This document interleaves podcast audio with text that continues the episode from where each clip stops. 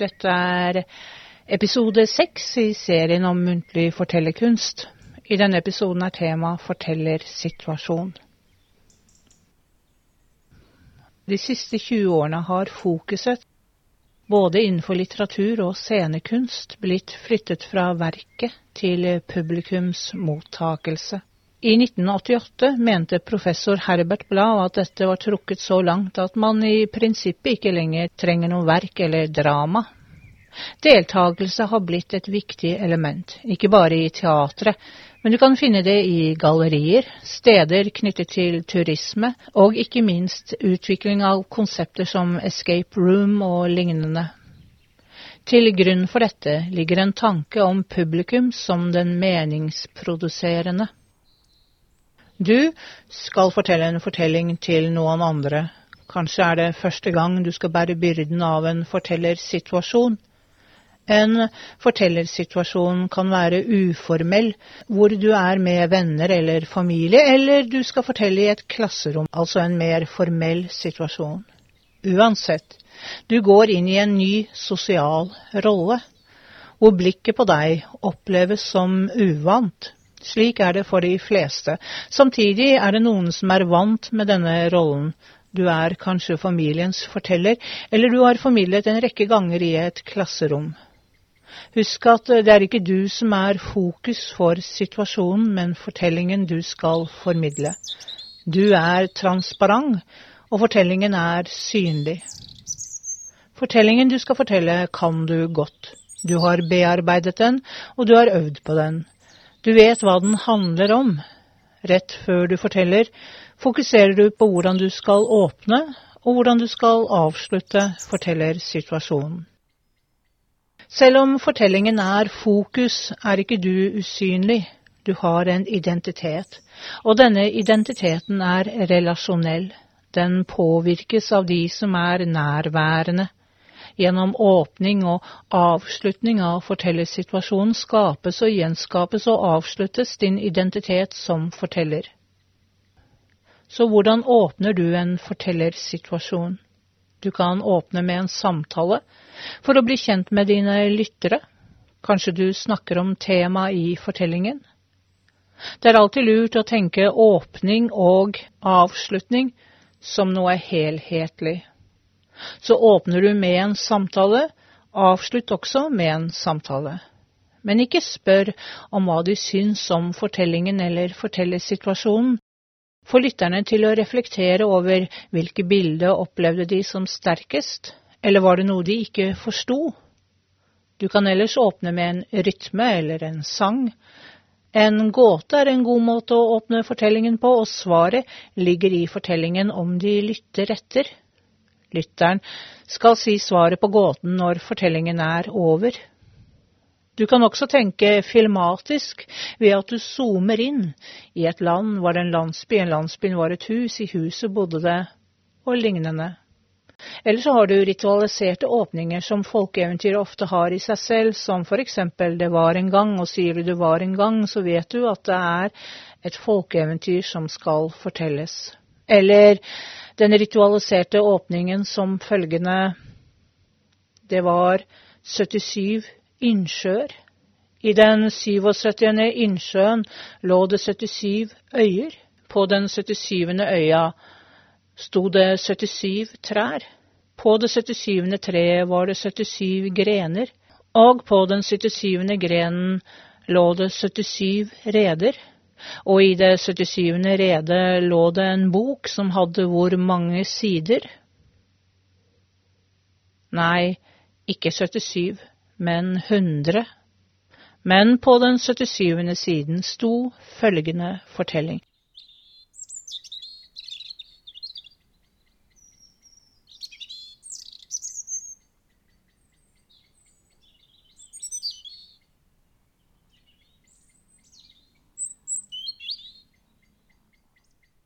Det var en gang tre gode venner. De tre vennene hadde vokst opp sammen. De hadde lekt når de var små, og nå var de blitt til tre unge menn. De hadde hvert sitt yrke. Den ene var en treskjærer, den andre han var en gullsmed, og den tredje han var en skredder. Disse tre vennene bodde på et sted hvor det var umulig å få arbeid, så de tre vennene bestemte seg for å flytte til byen, og det skulle de gjøre sammen, så de pakket sekkene sine og dro i vei.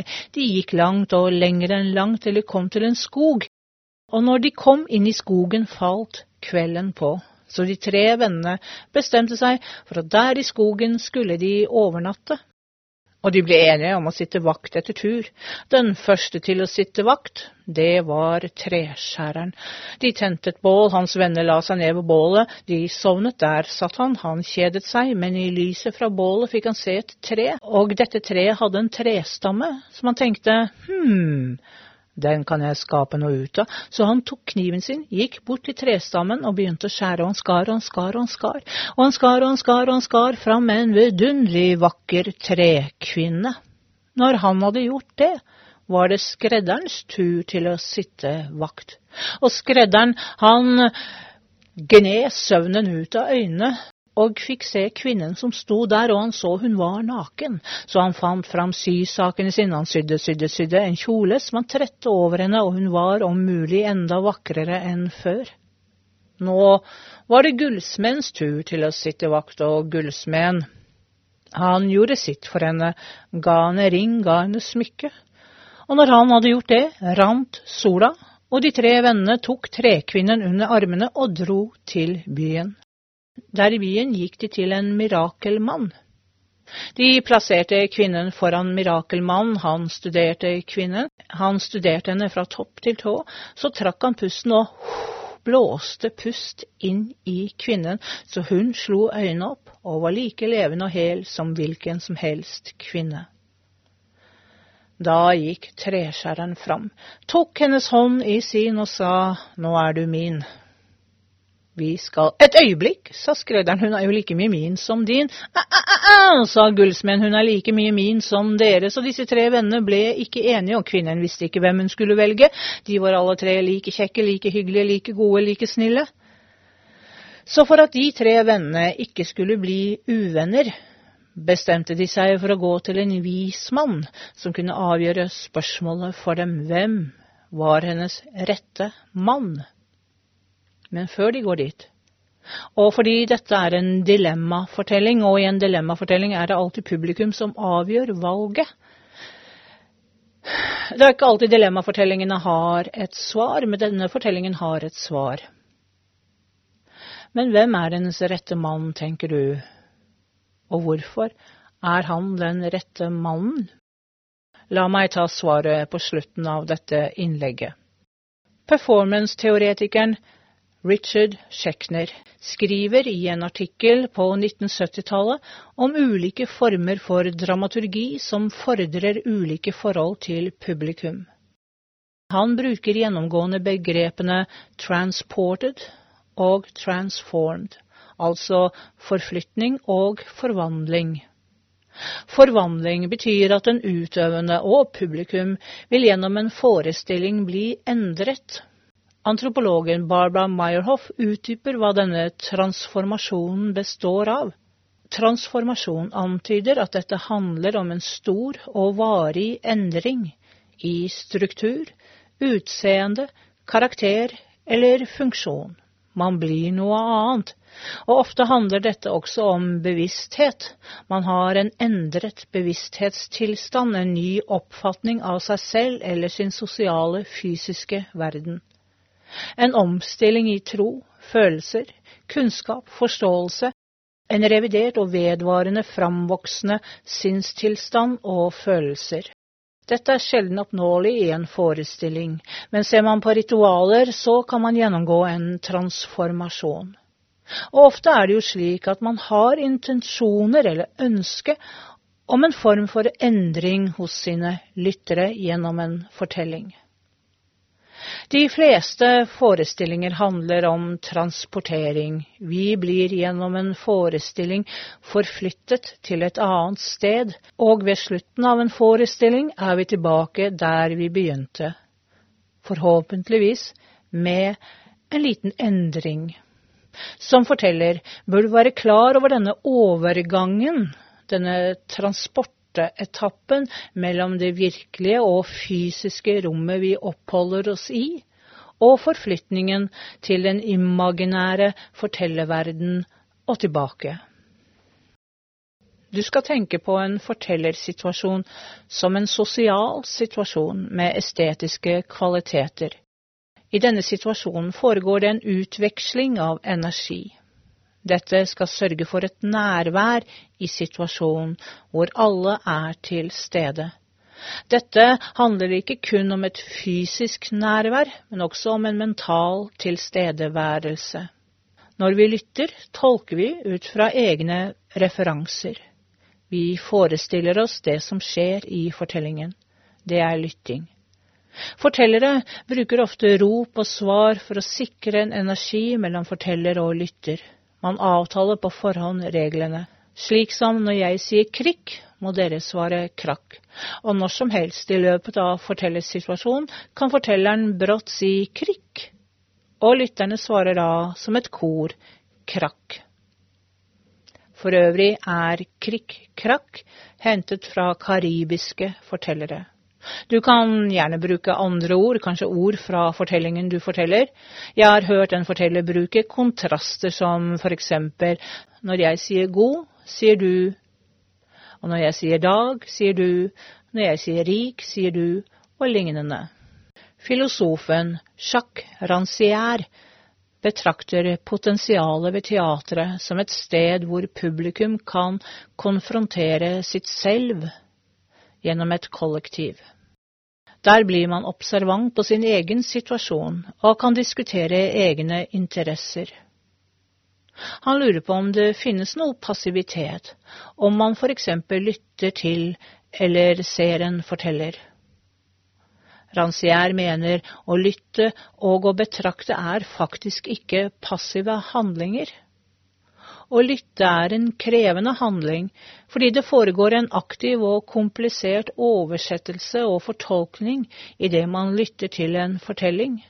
Fortelleren eller kunstneren overfører kunnskap og kompetanse i en estetisk situasjon, og ifølge Rancière oppstår det tredje. Det litt udefinerbare tredje, et noe som ingen eier i situasjonen. Kanskje en energi, eller en refleksjon, og i dette tredje er lytteren hovedperson i egen fortelling, samtidig som den individuelle befinner seg i et kollektiv som deler et intellekt gjennom å erfare noe sammen. Fortellersituasjonen nærmer seg. Selv om du ikke vet hvordan rommet ser ut, forestill deg hvordan du ønsker det Enkle tips du kan tenke på er ikke stå med ryggen til et vindu slik at man kan se det som foregår bak deg. Vær gjerne på et sted i rommet hvor du har oversikt over for eksempel døra, slik at du ser om noen ønsker å komme inn. Når du forteller for barn, må du vurdere om du skal stå eller sitte. Sitter du, mister du en del av kroppsspråket, men da er du på samme linje som lytterne. Står du, kan du fort bli veldig dominerende i rommet. Om du står, sørg for å ha litt avstand mellom deg og lytterne. Jeg selv foretrekker å ha barn på en stol istedenfor rett på gulvet, for rett på gulvet kan de legge seg ned eller komme borti hverandre. Du må gjøre deg selv i stand. Min måte er å gå en tur om morgenen og fortelle gjennom materialet til meg selv. Jeg er bevisst hva jeg har på meg, uten at det blir direkte kostyme i den forstand at klærne illustrerer for eksempel en karakter. I skolen bør man for eksempel ikke bruke lue om det da ikke er en rekvisitt. Lytterne møter deg som en person. Det er der den første forbindelsen til den sosiale hendelsen ligger.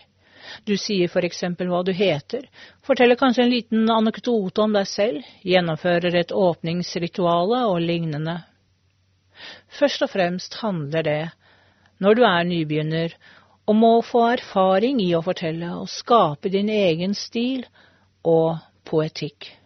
Og om du får motstand, ikke gi opp. Det gjør deg bare bedre.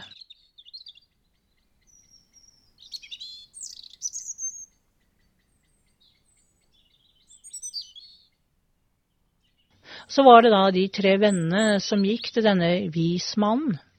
Det stemmer det, kjære treskjærer, sa vismannen, du har skapt henne. Men da er jo du som en far for henne, og en far kan ikke gifte seg med sin datter. Og du, skredder, du tok deg av henne som en bror, og en søster kan ikke gifte seg med sin bror. Men du, gullsmed, du vet hva en kvinne vil ha, så du er den rette mannen. Og om man er enig med vismannen, kanskje ikke, kanskje man foretrekker at kvinnen lever sitt eget liv, men det er slik fortellingen er, og det er slik jeg forteller den til deg.